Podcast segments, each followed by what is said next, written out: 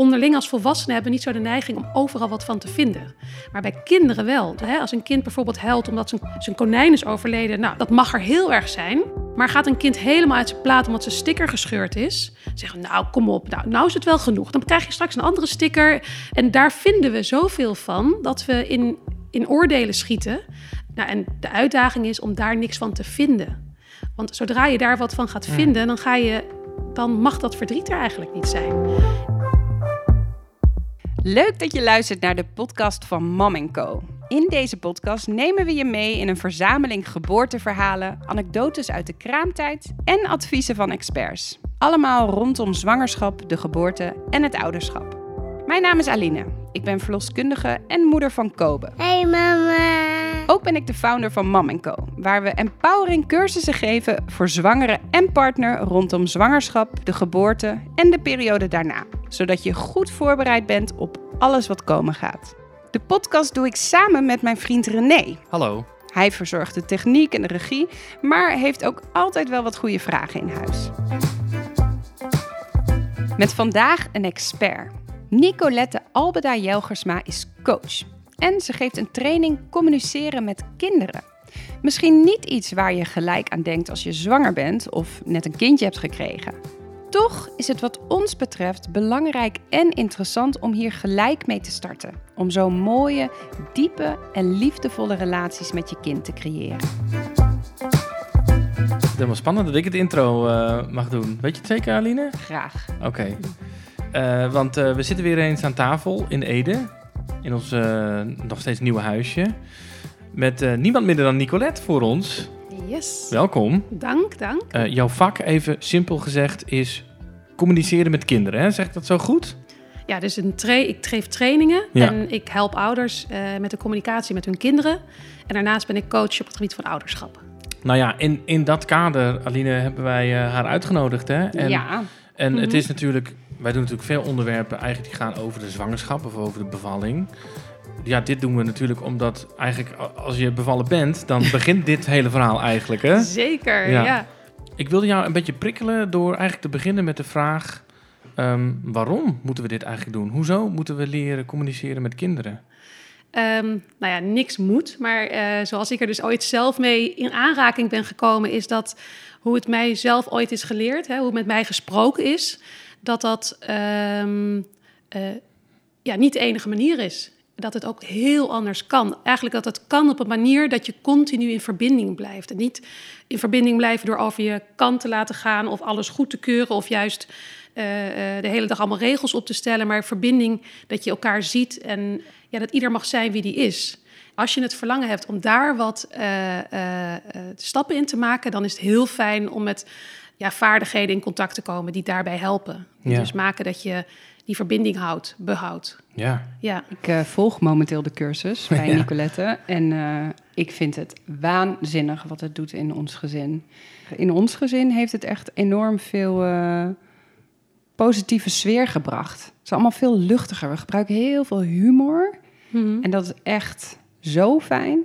Dat ja. de, de, strijd is een beetje, de strijdbel is neergelegd. en er is gewoon plezier. Ja. Is, is het nodig, vind jij? Ja, ik vind het, het idee dat je ouders kan helpen anders contact te maken met hun kinderen, waardoor ze ook de hele jeugd in contact kunnen blijven. Want uh, kijk, als ze nog heel klein zijn, kunnen we hè, management by fear, dat werkt uiteindelijk tot een bepaalde leeftijd ook prima. Hè? Ja, wat bedoel je daarmee? Nou, ik, hè, dat je gaat dreigen of gaat waarschuwen, dat je zegt, hè, ik tel tot drie en dan heb jij nu je laarzen aan en uh, ophouden met dat gedonder, weet je wel zo? Nou, je herkent de stem uh, ja. en dan heel veel kinderen gaan dat echt nog wel doen. En, en als je zegt, nou, als je het nu niet doet, dan drie weken geen iPad, nou, hm, komen ze ook wel in actie. Maar al dat soort dwang en, en dreigen, ja, sowieso is het niet leuk om te doen. Tenminste, gaf nee, mij een heel naar gevoel. Het is, een naar, ja. het is niet gezellig. Je bent uit contact, want die ander die is eigenlijk met een soort wrok, woede, zijn laarzen of ze weet ik veel wat aan het opruimen. Dus je bent, uh, het is hard tegen hard. Nou ja, en in de puberteit houdt dat gewoon op. Want dan zeggen ze gewoon, joh, weet je, ik ga lekker op mijn sokken naar buiten, je zoekt me lekker uit. En dan denk je van, waar is dat nou fout gegaan? Hè? Waarom, waarom is dat altijd ruzie bij ons? Waarom ja. kan het nou nooit eens normaal gaan? Maar het zit hem dus in de manier van praten en uh, ja, ook het bewust worden dat een kind, als je het op een leuke manier vraagt of, ehm, of juist informatie geeft, dat dat soms genoeg is om het wel te doen, in plaats van meteen te beginnen met dreigen. Hè, dus als je bijvoorbeeld zegt van, goh, laten we samen even naar buiten kijken. Ik zie dat het regent. En als het regent, worden onze voeten nat met gimpen. Hmm, wat, wat kunnen we anders aantrekken? Ja, laarzen. Nou, goed idee, trek ik ze ook aan. Weet je zo. Dus Ja. dan blijft veel rustiger. Het blijft veel meer in contact. Je gaat er ook vanuit dat die ander ook wil meedenken. En natuurlijk, hè, heel veel luisteraars zullen hele kleine kindjes hebben. Eh, dus staan ze dan bijvoorbeeld, zie je van, nou, die, die laarzen willen ze echt niet aan. Dus ze zijn gewoon, nee, weet je wel zo. En dan zeg je, hé, hey, je wil echt je laarzen helemaal niet aan. Je vindt die niet fijn. En dan zeg je, nee. Dan zeg je, hmm. En dan blijf je even stil. En dan kan je toch alsnog zeggen, vandaag regent het. En dan trekken we onze laarzen aan. Dus je blijft wel. Je, het is niet zo dat je, hè, dat je dan meteen je hele plan verandert. Maar we stoppen, je, als je dan stopt met. Nou, kom eens, doe niet zo flauw. Je weet dat je laars aan moet doen. Hè, het is nu tien voor half. We zouden al lang weg zijn. Door jou hebben we net ook al gedoe gehad met dat speelgoed. En, en nu doe je weer moeilijk. Weet je, dan zit je gewoon zo Ja. negatief. Leuk. Het is Ja. zo Dat negatief. is een hele andere vibe. Je, je- ik Ja. zie het ook aan jou. Als je, Ja. als je dit, dit nadoet, als het ware. De, de sfeer is anders. De uitstraling is anders. Ja, Het is een, eh, een haast een andere taal, zou je kunnen zeggen. Ja, nou en als je dan dus vraagt wat is het? Stel dat je dit hè, eh, zou gaan leren, zeg maar, hè, wat jij nu ook doet, dan ehm, vergelijk ik het altijd met dat je gewoon een andere taal gaat leren. Ja. Dus je bent, je moet echt even bedenken, ik ga dat, dat wordt even oncomfortabel in het begin. Ik ga het anders doen. Hè, waar jouw primaire reactie dit is, kijk je elke, in elke situatie ga je jezelf uitnodigen om die primaire reactie achterwege te laten. Dus wat ik net deed bijvoorbeeld van hey of oh, hè, dat je het gewoon die ander echt even dat gevoel van, van onmacht of het rot vinden of je eigen zin willen op zo'n moment, wat ze natuurlijk heel erg hebben hè, rond twee, eh, dat dat er even mag zijn. Nou, dus daar gaan we het over hebben, hè, deze podcast, over hoe communiceer je op een prettige manier met kinderen. Eh, maar hoe ben jij hier gekomen? Wat is jouw eh, geschiedenis? Ja, nou, het heeft niks met dit te maken. Dus ik heb eh, eerst had ik een soort modeopleiding gedaan en daarna eh, economie gestudeerd. En vanuit daar eh, ben ik de consultancy ingerold met een hele grote interesse voor systemen, zou je kunnen zeggen. Dus hè, je stapt een bedrijf in en daar gaan mensen op een bepaalde manier met elkaar om. Hè, leidinggevenden doen wat, er wordt bepaald wel of geen verantwoordelijkheid gedragen. Weet je, fouten kunnen wel of niet. En dat heeft me altijd ontzettend geboeid. Dus ik heb altijd gedacht, nou, dan, dan is dat mijn werk. Ik kwam er wel heel snel achter na onze... Ja, ik ben trouwens moeder van twee kinderen, van twee jongens. Tom van 12 en Rob, die is afgelopen weekend 10 geworden. Ehm, maar toen ik dus de oudste kreeg, toen merkte ik... ja, om eh, vijf uur 's ochtends eh, in de trein naar Zwolle zitten... naar een opdracht, eh, dat wordt hem niet. Dat heeft me ook redelijk, is me ook redelijk duidelijk geworden. Toen heb ik een burn-out gehad. En eigenlijk vanuit het thuiszitten, toen kwam ik erachter dat er op de crash werd er iets aangeboden, of op de eh, kinderdagverblijf, een, een, communicatietraining. En ik dacht gewoon meer niet van, oh, ik moet anders met mijn kind communiceren. Want, maar ik dacht meer, oh, leuk, ga eens kijken wel, hoe zij mensen gaan overhalen zich te veranderen. Dus ik was er met een hele andere intentie heen gegaan. Eh, en toen ik daar zat en het, de eerste sessie ging over erkennen van gevoel. En nou, ik merkte dus dat er bij mij dus zo'n diep gewortelde overtuiging is dat als je gaat gevoel gaat erkennen, dan, nou, dan stort gewoon, komt gewoon het dak naar beneden. Dat het kind zegt, ik haat oma, bijvoorbeeld, wat wij ook hebben geoefend. En dat je dan dus oh zegt, in plaats van, hé, hey, wacht eens even, dat wil ik niet horen. En eh, eh, kan je daar nu mee ophouden, weet je zo? Wat bij mij, of ja, in, in mijn opvoeding ook heel erg van... eh, nee, nee, nee, nee. Want gisteren deed jij, van, jij zei nog dat je het heel leuk vond met oma. En je lacht altijd als ze binnenkomt. Dus nee, dat vind ik een beetje flauw. Want dat is helemaal niet waar wat je nu zegt. Weet je zo? Dat dat andere kon, dat voelde echt als een, een wereld... waar ik altijd naar verlangd had, maar niet wist dat die bestond of zo. Dus nou ja, toen heb ik die cursus dus helemaal omarmd. Ben ik thuis gaan toepassen met Tom, die anderhalf was. Dus die zou denken van, wat kan je nou communiceren? Maar er valt al zoveel Dan al. dan al. Ja. Ja. In de zwangerschap al. Ja. Ja. dus zo ben ik er. En toen ben ik niet meteen natuurlijk eh, dit begonnen. Dit- dit- we zijn nu tien jaar verder. En toen dacht ik op een gegeven moment, ja, nu ga ik het voor mezelf doen. Nu ga ik het doen zoals ik het wil. Want wat ik altijd miste was, ehm, je kan één keer een training geven en dan pakt iemand daar precies uit wat hij op dat moment in de fase van het gezin nodig heeft. En wat ook het, misschien het laaghangend fruit in de eerste instantie. Maar dan komt er bijvoorbeeld een baby bij, of gaat een kind naar de lagere school. En dan verandert die fase en dan heb je eigenlijk, zou je iets anders willen toepassen, maar je weet het even niet meer. En dan wil ik er dus zijn voor ouders om bijvoorbeeld gewoon een uurtje te kunnen boeken. En daarom vind ik zelf die training, die is dus inderdaad wat jij zegt heel praktisch. Je krijgt gewoon per onderwerp krijg je vaardigheden, dus erkennen gevoel. Hoe doe je dat? Pam, pam, pam. Uh, je kind meer autonomie geven. Hoe doe je dat? Op deze manier. Um, maar doordat je die vaardigheden, die ogenschijnlijk simpel lijken, in je rugzak hebt, kan je steeds makkelijker in die situaties waarin je denkt: oh, wat, wat gebeurt hier? Wat of moet dit, ik doen? Wat moet ik doen? Ja. Uh, het gevoel van: ik heb iets wat ik kan inzetten, geeft bij jou de rust dat het kind ook weer anders gaat reageren. Het wordt een spelletje meer dan. Klopt. Ja. Wat zijn nou, um, en dat is een brede vraag, maar wat zijn nou de, de grote uitdagingen? Wat zijn de grote problemen? Waar lopen mensen nou echt keihard tegenaan in deze thematiek? Nou, het zit er natuurlijk altijd in praktische voorbeelden. Hè? Dus een kind wil niet eten. Niet dat ik een eetspecialist ben, maar hoe, kan je communiceren? Of uh, um, het is altijd ongezellig tussen broertjes en zusjes. Uh, nou ja, gewoon die, die dagelijkse dingen, daar loop je natuurlijk tegenaan. En dan wat zijn dan uh, thema's? Heel vaak is het, uit het zich in dat je geen medewerking krijgt. Hè? Dus dat je beseft van als je daar, als je tijdens de training zegt, ja, ik zou gewoon, ik voel me politieagent. Ik wil dat ik wil dat gevoel niet meer. Ik ben de hele tijd aan nee zeggen. Ik ben de hele tijd aan jongens, kom nou. Uh, trekken, duwen. Uh, zorgen dat ze op tijd bij balletles zijn. Op tijd bij school. Op, en, en daar die vermoeidheid over. En ook vaak dat we ons een beetje slachtoffer voelen van oh, die irritante kinderen. Of mijn koppige dochter. Of mijn, mijn beide handen zoon. Ja, hij is heel talig. Ik weet echt niet wat ik uh, terug moet zeggen. Weet je zo? Um, ja, dat, dat hoor ik heel veel terug. Uh, ik hoor ook heel veel terug dat, je, dat, dat ouders het echt jammer vinden uh, dat ze zo vaak boos zijn. Of dat je dan s'avonds op de bank zit en ligt alles in bed en dan denk je, hmm, echt gezellig was het nou toch ook niet, hè? Ja, ja dat, zo jammer. Zo jammer. Ja. En echt jammer, ja. Echt jammer. Ja, nee, ik denk dat... Kijk, wij hebben dan een kind van drie natuurlijk, want dit gaat feitelijk over alle leeftijden. Daar komen mm -hmm. we nog wel op, maar ik denk dat veel mensen dit herkennen. Toch? Dat, ik uh, denk het ook. Je bent niet blij als je uh, boos bent geweest in eerste nee. instantie. Dat je denkt, ja, wat zonde eigenlijk. Ja, en het flipt zo makkelijk om. Hè? Dus dan denk je, oh, het, hè, maar waar is het nou toch misgegaan vanavond? Ja. We zaten aan tafel en toen ineens, bam, weet je wel zo. Ja. ja, maar er zijn niet, geen grootse problemen. Ik ben ook geen therapeut. Hè? Dus, dus het gaat niet over uh, echt grote psychologische problemen. Het gaat er gewoon over de inter interactie tussen de ouder en het kind of kinderen onderling als volwassenen hebben we niet zo de neiging om overal wat van te vinden. Maar bij kinderen wel. Als een kind bijvoorbeeld huilt omdat zijn, zijn konijn is overleden, nou, dat vinden we, dat snappen wij. Hè? Dan zeggen we, oh, dat is nou verdrietig. Als is heel verdrietig konijn is overleden, dat mag er heel erg zijn. Ja. Maar gaat een kind helemaal uit zijn plaat omdat zijn sticker gescheurd is, zeggen we, nou, kom op, nou, nou is het wel genoeg. Dan krijg je straks een andere sticker. En daar vinden we zoveel van dat we in, in oordelen schieten.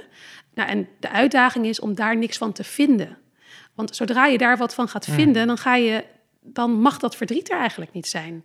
En het is niet, ik bedoel, kinderen gaan over het algemeen niet dan twee uur huilen over een sticker. Maar als je even zegt, hey, je had heel hè, die sticker is nu gescheurd, of, of je bent verdrietig over je sticker. Ja, dan, en dan niks meer ja. zeggen, in ieder geval. Dat, uh, zou, uh, dat is de grootste tip. Ja. Even gewoon even luisteren, kijken wat, er, wat er uitkomt. Ja. want vaak hebben we de neiging om dan in te gaan vullen en dan dan komt er ook niks vanuit je kind. Nee, je hoeft ook niet te denken: oh, als ik zo'n sticker had gehad, dan had ik het ook heel erg gevonden. Dan, dan maak je het nog steeds niet... onderdeel van mijn referentiekader. Ja, ja. en ja. niet echt misschien. Nee, of, uh... want ja, ik had vroeger ook wel hele bijzondere stickers, maar gaat het daar nu over? Nee. Het kind ervaart op dat moment verdriet over een sticker die gescheurd is toen hij ze net van de ene plek naar de andere plek wilde plakken of zo. Um, of er zit nog iets achter. We weten het niet. Het enige wat we kunnen doen op dat moment is gewoon zien dat daar verdriet is en daar geen informatie aan toevoegen. Dus het erkennen is van hey of oh zeggen of hmm. En dan, nou, een soort rits op je mond. Ja. En ga maar gewoon tot twintig tellen in gedachten om het gewoon te oefenen. Ja. Maar blijf weg van, nou weet je wat, dan gaan we vanmiddag zijn bij de Albert Heijn en kopen we wel nieuwe stickers. Ja. Of, uh, um, nou, je hebt er nog twintig, dus plak dan gewoon die andere lekker op. Of, nou ja, verzin nog tien van dat soort voorbeelden. Ja, bizar hè, want ik, ja. ik voel nu al in dit gesprek dat ik denk, oh, wat vullen we ook een hoop in en wat gooien we gelijk eh, dingen op die kinderen. Oplossingen, alternatieven. eh, Maar ja, het is en... echt een eh, neiging is het. Ja, Ja, dat zitten wel een aantal dingen in. Het is praktisch. Bijvoorbeeld, ik vind het lastig om bij teleurstelling soms te blijven. Om, niet omdat ik niet wil dat hij teleurgesteld is. Ja, misschien zit daar ook wel iets in. Maar ook omdat als hij huilt of overstuur is... en ik heb daar bijvoorbeeld geen ruimte voor... ik ben Mhm. natuurlijk overspannen en ehm, best wel pittig, zeg maar... als ik dan ook nog een kindje erbij heb wat heel veel triggers geeft... Hoe, eh, dus dat is een dingetje. Dus alles wil je eigenlijk een soort van oplossen. Maar daarmee- controleren volgens mij. Controleren, Ja. ja. Ja, je zal gaan merken dat je systeem ook rustiger wordt. Want ik voel niet meer de behoefte, wat ik in het begin natuurlijk wel had, want ik kom ook van een hele andere achtergrond. Ik voel niet meer de behoefte om in te springen of het verdriet weg te nemen. Ik vind het juist fijn als iemand verdriet heeft. Ik denk dus ook, en misschien is dat een fijne ook voor jou, dat je eh, in plaats van denkt, oh, een hele grote teleurstelling. Ik kan ook denken, wat een wijze les is dit. En dit, dit, die teleurstellingen hebben we nodig te leren voordat ze op hun achttiende het huis verlaten. Ze moeten duizend teleurstellingen mee hebben gemaakt, duizenden, om gezond en volgroeid eh, het nest te verlaten. En als je dat wegveegt de hele tijd, dan komen die, nou, wat je dus nu hoort van die, hè, van die jongeren die dan dus voor hun eerste stage de hele dag huilend thuis zitten, omdat ze dan een negatief, iets negatiefs gehoord hebben van, oh, dus helemaal niet die presentatie beviel niet of zo, helemaal in de war Ja. Omdat ze helemaal niet hebben geleerd om die kleine teleurstellingen te doorleven. Nou ja, hè, eh, doorleven van teleurstellingen is, is belangrijk. Ja. Ja. We hebben allemaal een persoonlijk leiderschapstraining gedaan. Jij hebt dezelfde training als wij gedaan. Toevallig kwamen we daarachter. Uh, maar in die training zijn we echt bezig met juist om te gaan met teleurstellingen, daarom te jammeren. En oh, wat jammer dat dat is. Net zoals met bevallen. Als een bevalling, als er momenten tijdens de bevalling zijn die echt anders gaan dan je hoopte. Jammer daarom. Ja, ik vind het rouw heel dan. verdrietig, rouw Ja. erom. dat moet je net zo goed niet wegstoppen. Nee, dat, dat, nee. dat verdriet moet er ook zijn en doorleefd worden. Want mijn moeder kan dan zeggen, eh, nog steeds. Hè? Ja. Van, ik was vier maanden zo misselijk dat ik gewoon niet kon, niks kon. Helemaal. En zei ze, ja, maar sommige mensen kunnen echt niet zwanger worden, zei ze dan. Ja. Terwijl ik zo, Oh, oh, helemaal ja. Ik denk, interessant. Waarom Nee. moet je dit nou zeggen? Ja. Ja, wat heeft het voor zin? Nee, Ja. ja. maar het is ook gewoon, dat is misschien ook wel moeite hebben met jouw situatie. Ja. Van, oh, hoe moet ik daarmee omgaan? Ja. Dus eigenlijk je eigen ongemak met iemand anders, teleurstelling. Ja. Nou ja, als we onze kinderen dit al kunnen leren, Ja. wat wij nu als volwassenen, Braaf in de cursus krijgen. precies, ja, Ja. Dan, dan kunnen we al zoveel mooiere kinderen op de wereld helpen, zeg maar. Ja. Ja. Als, we, als we het er zo over hebben, vind jij dan dat het iets is wat we vroeger wel konden? Is het iets wat we verleerd zijn? Nou, ik denk dat we al een paar generaties nu, hè, ik denk niet dat, on- dat mijn opa en oma wel eh, een empathisch voelende ouders hadden. Dus ik denk dat we al best wel wat generaties dit aan het doorvoeren zijn. Maar ik heb laatst bijvoorbeeld dat jagen, verzamelen, opvoeden, dat boek gelezen. Ja. En nou, het, dan wordt me wel duidelijk dat dit niet bij de oorsprong van de mens, zeg maar, hoorde. Dit is wel iets wat we zelf hebben gedaan om het efficiënt en behaps, behapbaar te maken. En omdat we natuurlijk als ouders ook steeds meer, of eigenlijk steeds minder community-achtige eh, gezinsvormen hebben. Hè? Dat we, in, in- dus we worden heel erg in het ouderschap één op één met dat kind geconfronteerd, wat heel heftig kan zijn en waarvan gevonden wordt dat we dat moeten kunnen. Ehm, ja, ik ben geen socioloog, maar ik voel wel dat het... We zijn het verleerd, maar volgens mij is nu wel de tijd dat we... We verlangen er wel allemaal naar, dat het, dat het wel mag. En dat je Ja. wel in verbinding kan zijn. En dat je... Ja, die, die hele strakke eh, managementstijlen zijn ook nu aan het veranderen. Hè? Willen Ja. inspirerende leiders. Nou, zo kan je jezelf als ouder ook zien. Dat als jij de hele dingen afneemt, ontzegt, eh, boos wordt... het respect voor, je, voor jou als ouder verdwijnt. Plus, een kind voelt echt dat de band van liefde elke keer een beetje wordt doorgeknipt. Hè, als wij zeggen, nou stommerd, kom op, wat is dit nou weer voor een... eh, hè? Nou heb je het helemaal verpest voor vandaag, weet ik veel. Als je dat soort dingen zou zeggen, ehm, dan voelt het kind alsof de liefde even verbroken wordt. De lijn van liefde. Terwijl wij als ouders natuurlijk wel kunnen denken, ja, dat flap ik eruit. Bij hun heeft dat toch wel een Ja. effect. Dat doet wel wat natuurlijk. Ja. Ja. Nou, en stel nou dat eh, je daarin bent gekomen, dat je in een situatie bent waarin je het gedrag van je kind afkeurt op een negatieve manier. Wat zou je dan kunnen doen? eh, helder maken wat niet gewenst is en wat wel. Eh, hè, nou, stel, eh Kobe zou hier met een bal door de kamer aan het gooien zijn en je wil dat niet. Dan kan je zeggen, ik verwacht dat als we met de bal spelen, dat we, dat, dat buiten gebeurt. Hè? Binnen kunnen er dingen kapot gaan. Heel vaak vergeten we ook ehm, helder te maken ja, weet je, voor ons is het zo voor de Ja. hand liggend of zo. Ja, Waarom die- iets niet mag. Ja, ja. ja, en eh, je hoeft niet de hele tijd alles uit te leggen, maar het kan wel. eh, of dat je zegt van ik word er heel onrustig van als jij. Hè, het, het, het helpt mij niet om even rustig hier de krant te lezen. Of nou, dat klinkt dan. Maar ik vind het niet fijn om hier te zitten. Maar het heet een bal die door de kamer vliegt, bijvoorbeeld. Kan je ook zeggen. Ehm, dus ik verwacht dat jij nu de bal pakt en buiten gaat spelen. Ja. Gaat het kind door, dan kan je bijvoorbeeld zeggen: Ik zie dat je doorgaat. Als je, als je, hè, en het, dat is niet oké. Ik verwacht dat je echt alleen buiten met de bal speelt. Als je binnen door gaat spelen met de bal, dan stop ik hem in de kast. En gaat hij dan door, dan is het hey, zonder enige emotie van mijn kant. Want nou, ik, ik, bedoel, tuurlijk kan je een beetje denken: hè, hè, nou, weet je, ik zit hier Ja. lekker de krant te lezen en dat lukt niet of zo. Nou, het is misschien een utopie, krant lezen, maar Ja. eh, hè, ik zit in Heb ik ieder al geval. vier jaar niet gedaan. Ja, nee, ja, precies. de jong- Ik, Eh, sna- ik snap je. Ja, ja. ja, iets, iets aan iets, doen. ja. Dus, en dan kan je gewoon zeggen: hey, ik zie dat je gekozen hebt. Of de bal, eh, ik, ik neem nu de bal en die gaat in de kast. Of je het niet eens te zeggen. Je kan hem gewoon pakken en in de kast doen. Vaak omdat het dus zo helder gecommuniceerd is. En dit hoeft niet een hele. Weet je, dit stappenplan klinkt nu even lang, maar het, het kan. Weet je, op, op, op, kan heel snel Ja. gaan.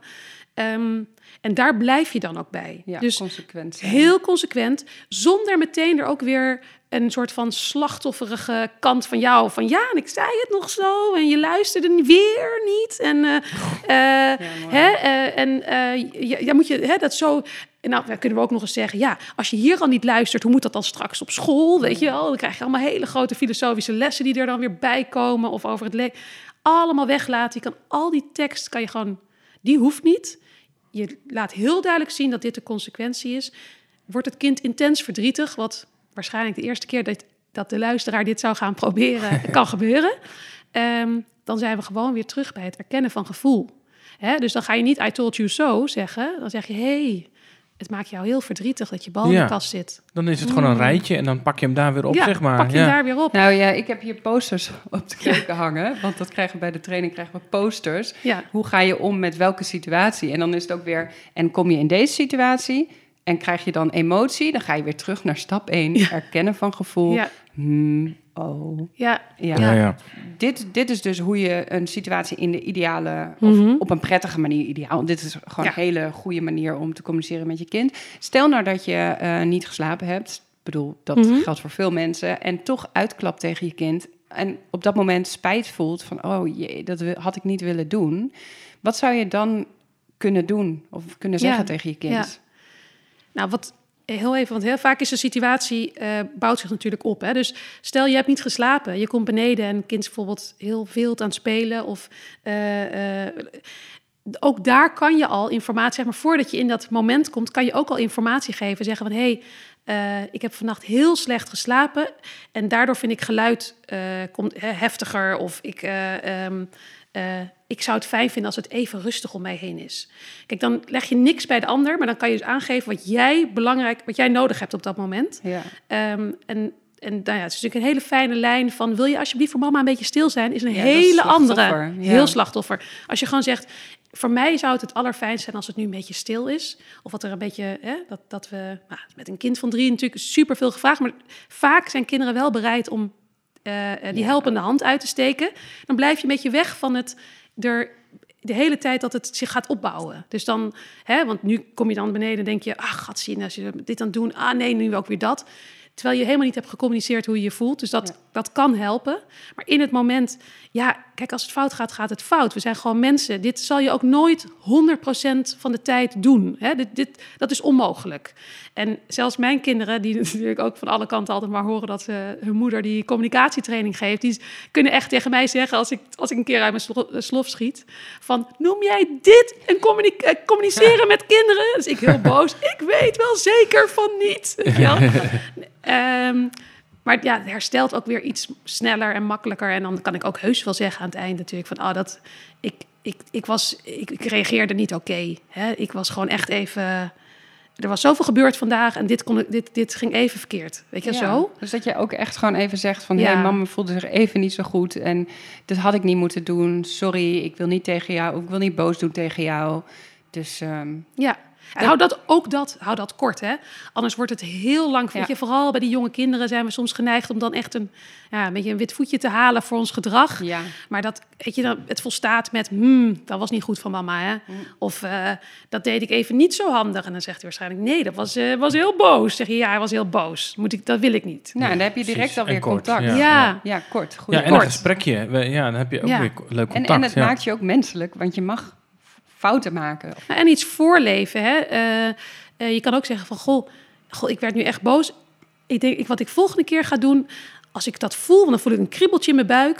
En dan ga ik gewoon even mijn handen wassen. Want dan word ik, weet ik, dan word ik weer een beetje rustig. En dat zijn echt hele waardevolle lessen. Hè? Dat eh, ehm, eh, eh, gewoon het omgaan met je emoties is natuurlijk. eh, als, als op een gegeven moment dat, beetje dat, dat bozige gevoel opkomt, wat is behulpzaam? Weet je wel? Dat, of ik moet misschien even gewoon stampen als ik dat voel. Want ik, ik, ik ben dan zo. ah, dan ga ik gewoon even stampen. En dan denkt, je dan denkt jullie kindje natuurlijk ook van... hé, hey, dat is interessant. Ja, Wie ja weet. dus, dus eh, wees, wees eh, ehm, laat gerust je gevoelens zien aan je kind, zeg maar, is wat ja, je zegt. nou eigenlijk ook hoe ga ik er dan... eh, dat jij er wat van wil leren. Dan ben je ook weer een soort inspirerende Ja. persoon.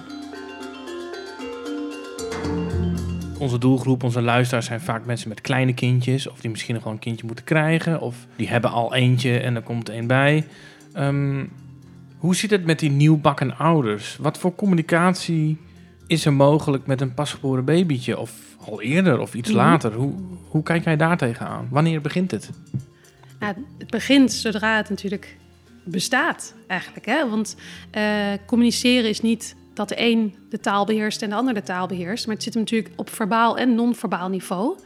Ehm, ja, de buik, daar ben ik dan geen specialist in. Maar ik kan me voorstellen dat hè, voel je heel veel onrust. Zeg je, hey, hey, je bent een beetje onrustig. Of dat je dat kan, dat zou je misschien kunnen erkennen. Ja, ja. Ehm, maar zodra bijvoorbeeld hè, een babytje heel hard aan het huilen is, dan zijn we natuurlijk heel erg geneigd om, hé, hey, stil maar, het is al goed, hè, nou, nou is het genoeg, weet je, dat soort dingen te Mhm. zeggen.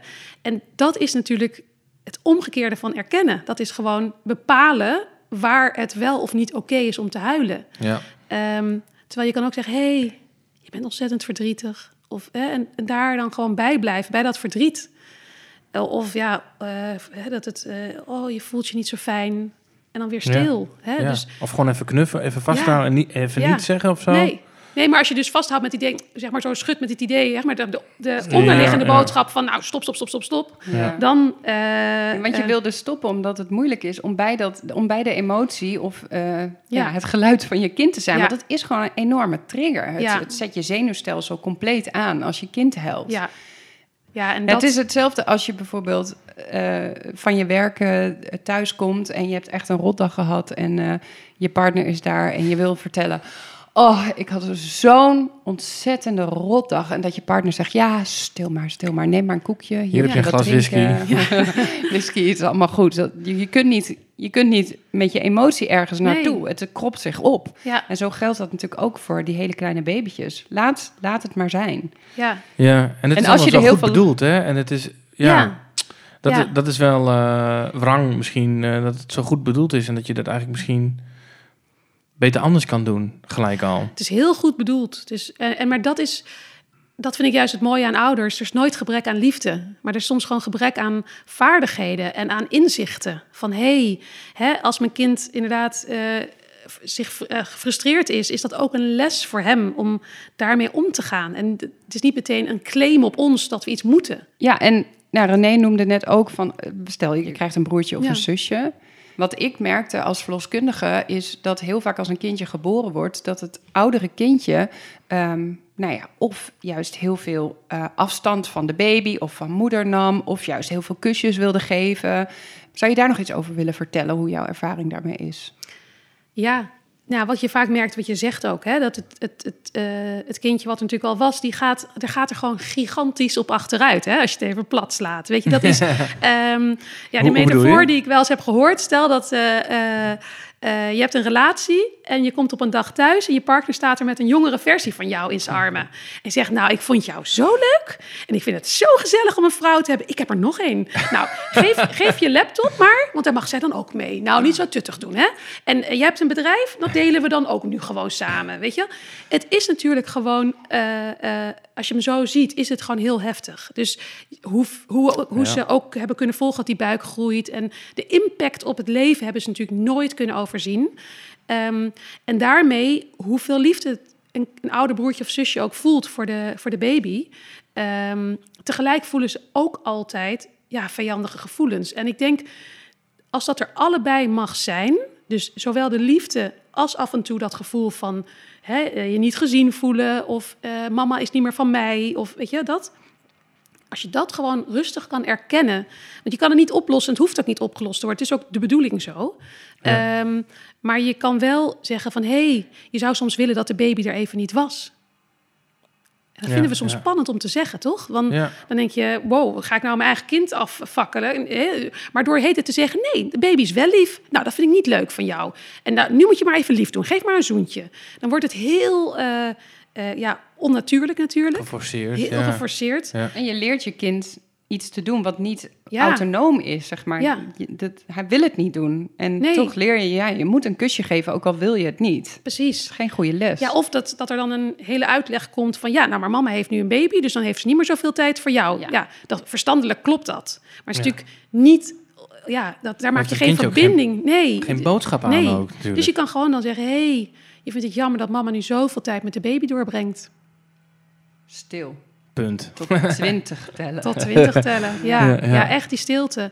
Ja, ook niet dan Eh, een oplossing. nee. Nee, maar mama gaat wel met jou. Dat is nog niet het moment, weet je wel? Nee. Nee. Het kan wel, hè? Dat ze dan even dat huilen. Er, dat je daarna zeggen, hmm, en mama heeft dus wat minder tijd. Maar stel dat we elke dag nou één kwartiertje samen...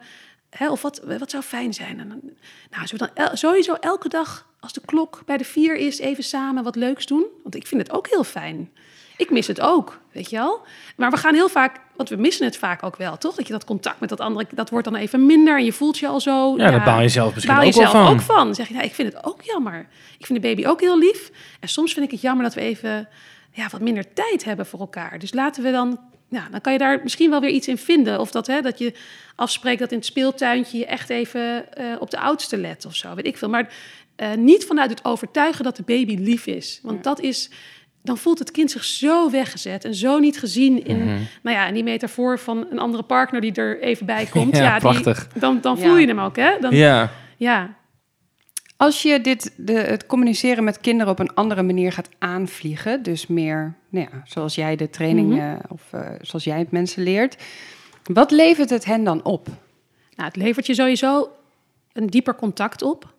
Ehm, ja, kinderen, ja, ik merk dat mijn jongens, die stellen ook alle vragen. Of als ze iets spannend vinden. Of hè, die, die komen altijd echt wel naar mij toe. Dus ik merk dat, dat als er iets speelt, dan, dan, dan hebben we daar altijd contact over. Terwijl, ja, dat kan ik me van vroeger. Dan denk je altijd dat je dingen zelf moet oplossen. Of die ander die komt anders met een mening. Of, hè, dus, daar, dus het contact is, is dieper. En de zelfredzaamheid, merk ik dat. Nou, dat vind ik grappig soms om te horen. Krijg ik ook terug op school dat. ehm, in het moment hè, zijn mijn kinderen gewoon kind. Hè, dus er is niet dat ze een soort perfect gedrag vertonen. Dus stel er is een incident op het schoolplein, dan ehm, in het moment eh, kunnen ze gewoon net zoals hè, alle kinderen boos worden. Maar ik hoor dan altijd dat als we dan met de juf gaan praten daarover, dat ze dan zo helder en rustig kunnen vertellen, eh, bijvoorbeeld hoe dit gebeurt, hè, hoe dit is gekomen en wat ze dan misschien ook wel de volgende keer anders gaan doen. Want het zit ook heel erg in de training dat je leert kinderen leert meedenken hoe ze in dat soort situaties, dus dat je eigenlijk, hè, stel dat elke keer een bepaalde situatie voor gedoe zorgt, nou, misschien opruimen of eh, het huis verlaten, dat je op een gegeven moment gaat zitten met, de, met het kind ook van hoe kunnen we dit eigenlijk leuker en anders doen, zodat het jou helpt en, eh, en, en, en ik ook niet elke keer boos ben. ja. Want die situaties blijven terugkomen. Die blijven terugkomen. Dus je maakt ze zelf redzaam, je blijft contact houden en je leert ook dat je eigen eh, blik op bepaalde dingen heel erg belastend kan zijn naar de andere kant. Hè? Dus ik, bijvoorbeeld wat ik dan een mooi voorbeeld vind is eh, ehm, toen de oudste zindelijk aan het worden was. Toen was ik hoogzwanger van eh Robbie, de jongste. Mhm. En ehm, nou, het viel echt in die laatste weken van mijn zwangerschap. En ik vond het gewoon allemaal heel zwaar. Dus ik vond het heel erg leuk voor hem dat hij eh, zindelijk was als we gewoon thuis waren. Maar zodra we het huis verlieten, of vooral in de auto, dacht ik, ja, dag. Eh zei ik, nee, nee, nu doen we weer heel even luier aan. En ehm, Nou, dat heeft er echt voor gezorgd dat hij dacht, weet je wat, dan houden we die toch lekker aan als jij het allemaal niet vertrouwt hier. En toen was het echt een ding dat hij rond zijn vierde moest hij natuurlijk naar school. Dus toen dacht ik ook, wat is hier nou gebeurd? En ik heb dat vertrouwen niet uitgesproken. En ik heb ja, eigenlijk een plan B de hele tijd op de achtergrond laten meespelen voor mezelf. Dus toen de jongste eh, veel eerder dan zijn broer opeens zei in zijn slaapzakpak, zeg maar, met zijn spijlenbed van mama, ik wil geen luier meer. Toen dacht ik natuurlijk, van binnen gingen er allemaal alarmbellen af van, oh, ik moet er elke nacht uit. En hij heeft nog nooit een droge luier gehad, s ochtends, dus waarom zou het nu ineens wel goed gaan? Maar omdat hij zo stellig en zelfverzekerd dat zei, nou ja, heb ik dus gedacht, oké, dit keer ga ik het omarmen. Dus ik, ben, ik heb gezegd, Robbie, dan moeten wij uh, voor jou een ander bed gaan kopen. En dan moeten we pyjama's gaan kopen. Dan gaan we dat uh, doen. En uh, toen hij in bed lag, heb ik dus, met, want mijn man was beneden, heb ik echt heel hard moeten huilen om het afsluiten van deze fase. Omdat als het aan mij had gelegen, had het nog niet gehoeven. Gewoon niet dat ik wil dat een kind een luier aan heeft, maar gewoon het hele concept van zo'n schattig kindje in zo'n slaappakje. En, en, en ook gewoon het nou, in dat spijlenbedje. Gewoon het hele concept. Het is dus mijn moederschap, wat eigenlijk zijn ontwikkeling op dat moment, nou, als ik niet uit had gekeken, tegenhield. Dus waarbij de oudste ging om praktisch en ik heb er geen zin in en het is al zo zwaar, was het bij hem ook een groot deel, was mijn moederschap. Ik moest afscheid gaan nemen van dit, ja, van dit stukje kind zijn. Nou, dat vond ik super heftig. En nou ja, om het verhaal natuurlijk mooier te maken, heeft hij uiteindelijk inderdaad vanaf dag één droog. Het is een wonder. Ja. Gewoon had ik ook niet verwacht. Ja. Maar, uh, maar, in ieder geval door hem te stimuleren in zijn autonomie, zeg maar. Ja. Eigenlijk gewoon hem vertrouwen te geven. Jij wil dit? Oké, okay, let's go. Let's go. Maar als hij aangeeft dat hij er klaar voor is, dan, en, je, en je wil dat zien, je kan dat zien en je kan dat ook faciliteren. Ja, dat zijn de krachtigste momenten. Want dan, dan gaan ze ook in één keer, maken ze zo'n sprong. Ja, dus... Uh... Super mooi. Mooi hoor. Ja. Mooie anekdote om deze opname volgens mij af te sluiten. Ik, ik vond het, uh, ja, ging als een trein deze opname. Toch een liedje? Super, Zeker. ja. Het interesseert ons ook gewoon omdat we er middenin zitten. Ja. En ik vind het zo waardevol dat ik echt, nou ja, iedereen het gun. Want het heeft ons zoveel lichtheid gebracht. En wij, ik bedoel, wij onderling gaan ook veel lekkerder doordat het Ja. gewoon gezellig is. Ja, dat is wel waar. Kobe gaat Ja. nu elke avond als een op, op René's nek. En dan moet de, doet de René zo zijn vingers omhoog. En dan pakt Kobe zijn vingers en die gaan dan heen en weer. En dat zijn dan zijn voeten. En als, als René dan, Kobe dan bij René op de wang duwt, zo naar de zijkant, gaat hij naar links. Hij, eh, zijkant gaat hij naar rechts. Dus zo gaat Kobe, mag zelf bepalen welke kant hij op gaat. Altijd een andere kant dan zijn bed overigens. Maar zo wordt het echt, ja, het is gewoon een feestje om hem naar bed te wel. Ja. Terwijl eerder was het, oh. Nou, Kobe, nu naar boven. Weet je, Ja. je kent Ja. het wel. Ja, Ja. ik wil niet. En- dan ga je een beetje Ik pappen met, moe. kom, dan mag je een speentje en dan mag je dit. Beetje En eind van de dag, Ja. we hebben zelf natuurlijk ook allemaal een lange dag gehad. En, maar gewoon om dan humor in te zetten, dat is voor ons echt een, een gouden greep geweest. ja. Nou, wat, wat ik dus ook heel mooi vind, omdat ik dus overspannen ben en thuis ben, heel erg bezig ben met mezelf eh, te ontwikkelen en eh, diep naar binnen te gaan, eh, vind ik het heel mooi dat ik mezelf kan helen door met Kobe het anders te doen. Dus ik doe bijvoorbeeld eh, bij mijn coaching innerlijke kind eh, eh, reizen, zeg maar. Of tenminste, dan ga ik terug naar mijn kleine meisje op het schoolplein... dat dan gepest werd bijvoorbeeld. En dat dan graag naar huis wilde. En mijn moeder was altijd thuis. Ik hou van haar, ik ben super dankbaar eh, voor hoe zij eh, liefdevol ons heeft opgevoed. En mijn vader ook trouwens. Maar, dus we hebben daarin heel erg geluk. Maar mijn moeder is ook zo heel praktisch. Dus ik kwam thuis en er was eigenlijk gewoon nooit een moment om gewoon te zijn met haar. Gewoon zonder dat er iets moest, weet je wel. Misschien eh, wel twee minuten, maar dan stond ze alweer op... en dan ging ze alweer de afwas doen of dit en dat. En mijn diepe verlangen, dat kom ik dus tegen tijdens mijn coaching... is dat ik gewoon met mijn moeder had willen zijn. Gewoon zijn.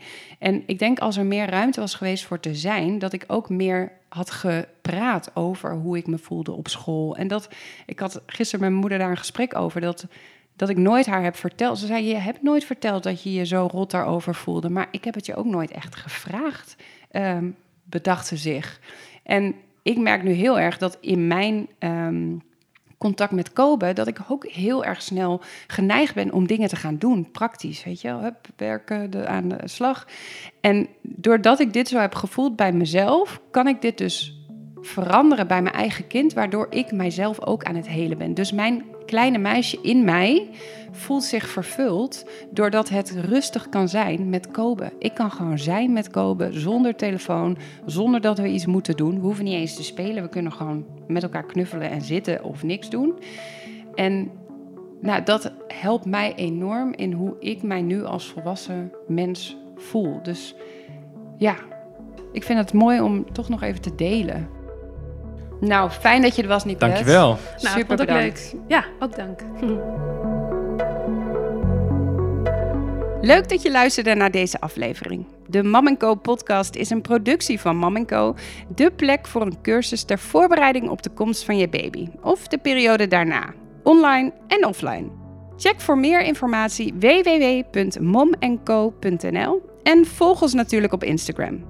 En ben je net als wij gek op geboorteverhalen? Check dan ook onze eerder gemaakte podcast Adem in, Adem uit.